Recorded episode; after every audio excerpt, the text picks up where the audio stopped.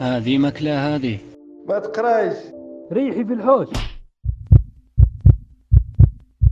صايي حبس. لكن إحنا الله كرمنا. وأمرني أقرأ. رح أتعلم وابني بلدي. أني مش حنسكت على حقي. هبقى قوية وهفضل طول عمري قوية. وغادي نحكي حكايتي خطركش أنا وإنتي الفحلة. بودكاست يا الفحلة من تقديم نور مهرية. مرحبا بكل مستمعاتنا ومستمعي بودكاست يا الفحلة في أول حلقاته. سنعود بالزمن إلى الوراء وسنستمع إلى قصة فتاة عايشت الكثير لنلج لحكايتها المليئة بالدموع والفرح بالسقوط والنهوض. تناقضات كثيرة. تركت في روحها وجسدها كدمات.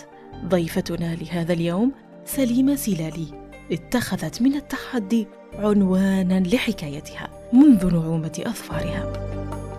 من كثرة الأشياء السلبية آه قعدت نتفكر يعني غير عدم القبول لأني امرأة يعني الأب ديالي ما كانش متقبل أني امرأة. قصة اللي قعدت لي بزاف في بالي هي صراحة النهار اللي الأب ديالي لبس لي الحجاب وقعدت به مدة آه أسبوع وقررت أني آه نحيه من بعد آه يعني الرد ديالو كان ما تقدريش تنحيه حتكملي لبساتو حياتك كلها.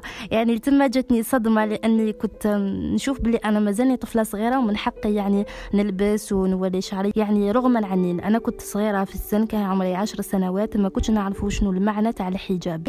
قصص كثيرة مثلا آه أنك تشوفي الأم ديالك تنضرب من طرف الأب ديالك اللي هو بالنسبة لك هو الأمان آه هو الأب ديالك يعني آه هو الرجل الأول اللي عرفتيه في حياتك. تشوفي من عنده الظلم والعنف يعني كانت حاجة كتير قاسية. آه طفولتي كانوا فيها أشياء إيجابية وكانوا فيها أشياء سلبية لكن للأسف الأشياء السلبية كانت أكثر. رغم كل هذا العنف الذي غلف حياة طفلة جزائرية إلا أنها تشبثت ببصيص الحلم. لما كنت صغيرة كنت نقول أنا لما أكبر أريد أن أني نكون طفلة تعمل كل شيء امرأة ناجحة. يعني كانوا يلهمونني كتير قصص النجاح لامرأة مثل أوبرا وينري كانت تلهمني كتير. إنسان خلق متعدد المواهب ويدير كلش لأنه صراحة أنا متميز بهذه الصفة. عندي عدة مواهب لدرجة أنه طولت كتير باش نكتشف ذاتي أنا وش نحب نعمل في حياتي. لما تكوني متعددة المواهب تتلف لك وش تحكمي. يعني نحكم هذا الطريق أو هذا الطريق. كان دائما عندي هذيك النظرة تاع أنا لما نصير كبيرة أنني رايحة ندير كلش. لكن يعني كي نكونوا صغار كطفلة كنت حابة نكون رياضية مثلا. كنت حابة ندير الجودو كنت حابة كنت حابة نصير معلمة كنت حابة نصير مضيف الطيران. يعني هكذا بعض الأحلام. لكن كانت دائما عندي نظرة أني أنا لما أكبر راح أجرب كل شيء وندير كل شيء. كثيرا ما نحلم ونحلق في تلك الأحلام. عاليا عاليا. فنطير على ألحان زقزقات العصافير ونرى الكون بألوان قوس قزح. وفجأة نصطدم بذلك الواقع المرير ثم نستيقظ. حققت نصف منها لكن للأسف ما حققت نصف الكبير لأنه أنا توقفت يعني عن القراية. يعني الأب ديالي وقفني لما كان عمري 13 سنة. خلينا نقول لما طلعت من الابتدائي للمتوسط. للأسف إذا هذا الشيء أكيد كان عائق كبير في حياتي. ويعني الحاجة اللي تمنعني باش ندير بزاف حاجات كنت حابة نفعلهم. ولأني كنت صغيرة ما كنتش نفهم لجدية الموضوع. كان عمري 13 سنة في بالي إنه كان يهدر برك ومن بعد يعاود يرجعني مع العلم إنه ملي كنت صغيرة وأنا نسمع أنت يا طفلة راكي تقرأي باطل لأنه جاي نهار وين نحبسك النساء يقعدوا في الدار ويتزوجوا النساء ما يخدموش النساء ما يقراوش يعني راكي تقراي في باطل يعني ما ما تلحقي القراية الفوق الفوق وتنجحي أنا راني رايح نحطك في الدار. لكن بعد مرور يعني خلينا نقول ستة أشهر العام الأول بديت نحس أنه خلاص حياتي عادي قاعدة في الدار. يعني لما نغسل الأواني نشوف دراري صغار قدي يطلعوا يحبطوا يقراوا وأنا قاعدة يعني ما ندير والو إلا هكذا قاعدة في الدار. نستنى نستنى في كشف معجزات تصرى حتى يعني نخرج من هذا الحلم البشع اللي راني فيه. رغم أن في لحظة ما قد توقفت عندها الحياة روتين يتكرر لفتاة ذات الثلاثة عشر عاما. إلا أن سليمة أرادت للحكاية شيء آخر. الاستسلام هو خيار فعلا. حتى وأنا كنت صغيرة يعني عندي خلينا نقول بالعامية بالدارجة تاعنا راسي يابس. أنا لا آه أنا لا أستسلم صراحة. أنا نحب نعطي يعني الوقت للأمور. كان عندي عالم صغير أنه نتخايل بزاف. يعني نتخايل نقعد نتخايل ونعيش في الخيال تاعي هذاك الخيال عاوني باش إني نقول لا سليمة ما تستسلميش عادي عادي. الناس كلها تحبس القراية عادي. ما على بالكش وش قادر يصرى منا على أعوام. ما تعرفيش قادر يصير يمكن يعني باباك يموت. يعني كان أقصى الحلم هو أنه يموت باش يعني هو يتنحى من حياتي باش نكمل حياتي. هذاك الوقت بالطبع. لكن كنت نقول بالك يبدل رايه بالك هو يتغير. ما نعرف. يعني كان دائما آه، أمل صغير يقول لي سليمة ما تستسلميش لأنه ربي اللي خلقك قادر يخلق المعجزات ويبدل لك حياتك. لكن يعني الخيال ديالي خليته يكون على الواقع. كنت نقرأ كتابات مع العلم إنه الأب ديالي عنده عقدة من المرأة عنده عقدة من من الدراسة. أنا نتفهم يعني أنا وأنا كبيرة راني نتفهم لكن هذاك الوقت كان يبان لي العدو. الأب ديالي هو العدو. اذا كنت نشري كتابات بتخبية. يعني هو لما يروح للعمل أنا نقرأ كتب لما يروح للعمل أنا نشوف لي فيلم. يعني العالم ديالي الخاص ولا يعني الدنيا ديالي كانت تبدأ لما هو ما يكونش في المنزل. إذا قريت كتابات التنمية البشرية أول كتاب قريته في حياتي لإبراهيم الفقهي طريق النجاح كان عمري خمسة عشر سنة ونصف. آه كان أول كتاب قريته ساعدني بزاف. عباك بديت نكتشف الدنيا وش معناتها الحياة علاش أنا راني عايشة؟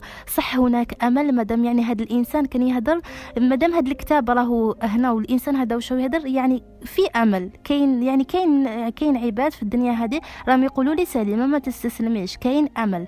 اذا بديت نتعلم بديت نتعلم اللغات وحدي في الدار نقرأ كتابات. أكيد واحد الوقت كنت نكره خلاص يعني طاقتي تستنزف ناعيه وش مازال ندير؟ نقعد هكذا حياتي كامل. لكن آه كنت دائما نعاود نولي لهذيك جرعة الأمل تاع سليمه انت راسك يابس. ولازم تلحقي وأنا راكي حابة. كيفاش؟ وقتاش؟ ما على بالكش. لكن خلي ثقتك بربي أعلى.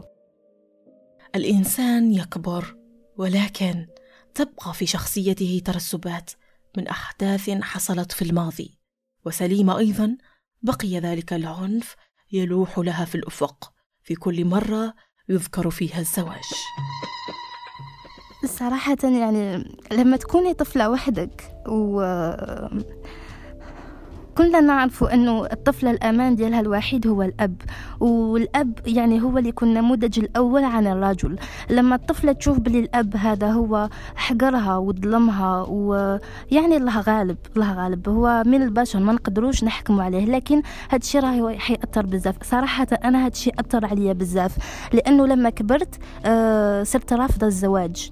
صراحة كانت كوشمار بالنسبة لي يعني كانت حاجة تخنقني. لما تقولي لي الزواج كيفاش أنا نتزوج براجل يحقرني؟ إذا بابا ما مدليش لامان كيفاش راجل آخر يمدلي لامان لكن هذا معتقد كتير خاطئ لأن الله سبحانه وتعالى يعوضنا بالأحسن دائما. وها قد أتى الفرج في حياتها وحدث الطلاق بين والديها لتذهب سليمة وتعيش مع أمها. عانيت شوية لما طلقوا الوالدين ديالي أنا عانيت عانيت داخليا لأنه وليت نشوف روحي أنا المسؤولة. يعني لما أمي خدات القرار بصراحة آه لمدة ست سنوات وهي تاخذ القرار وتدور في رأيها. يعني هذاك القرار الأخير كنت نقول عادي أمي راهي رايحة تدور يعني ما همش رايحين يتلقوا لأني والفت هذه الحكاية. لما تلقوا صح يعني حكمت أمي هدرت معها قلت لها أمي راكي خديتي قرار جد جاري. حبيتك حبيت نقول لك حاجة. أنا راني واقفة معك أنا راني بنتك وراني وليدك. خلاص ما كاش راجل معانا. حنا نقدر نكونوا رجال. نقدروا نكونوا رجال يعني آه، ما كاش حاجة يديرها راجل ما نقدروش نديروها حنا. حبيتي الدار تسبغي الدار نسبغوا حنا. حبيتي تسقمي حاجة في الدار نسقموا حنا. كنا مسؤولين على روحنا. يعني عندنا ربي قبل ما يكون عندنا رجل اللي هو بالنسبة لي صح مسؤول وكذا لكن مجرد كائن بشري كيما حنا. يعني كاين ربي قبل كل شيء. ربي يسخر لك عباد ربي يبعث لك عباد. بصح ما تقعديش يعني تمرضي وتلومي في روحك.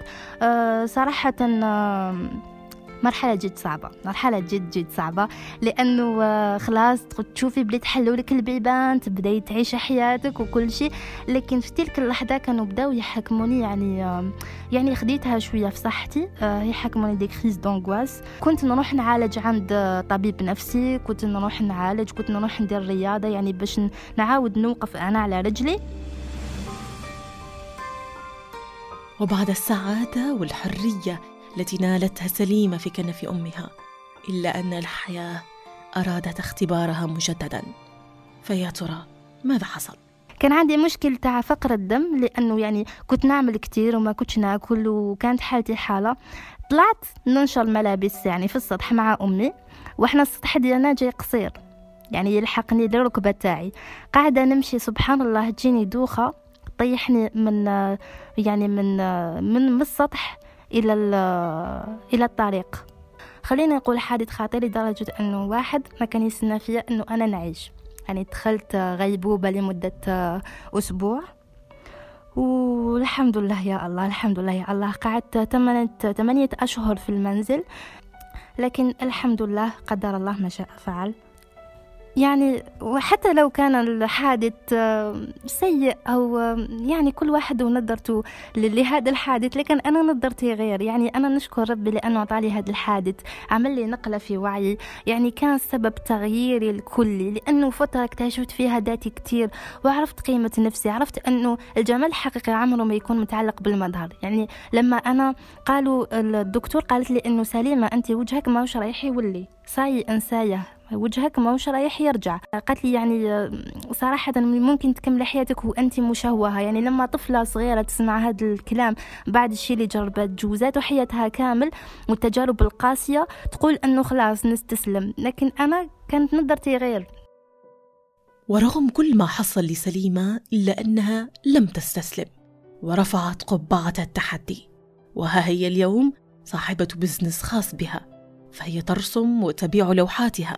تتحدث الفرنسية والإنجليزية التي تعلمتها بنفسها حاصلة على دبلوم مدربة رياضة وأيضا تواصل دراستها عبر المراسلة. كما لا ننسى أنها كرمت في قائمة مئة امرأة ملهمة في الجزائر. هي سليمة سلالي فتاة تحدت كل الظروف التي قيلت لها أنها لن تنجح لكنها نجحت واستمرت. سليمة هي فحلة من فحلات وحرائر الجزائر. قد تشابه قصتها الكثيرات. لذلك أينما كنت عزيزتي استمري ولا تيأسي. فالله موجود. إلى اللقاء مستمعاتنا ومستمعينا في هذا العدد. نلتقي في الأسبوع القادم. لتكوني أنت الفحلة.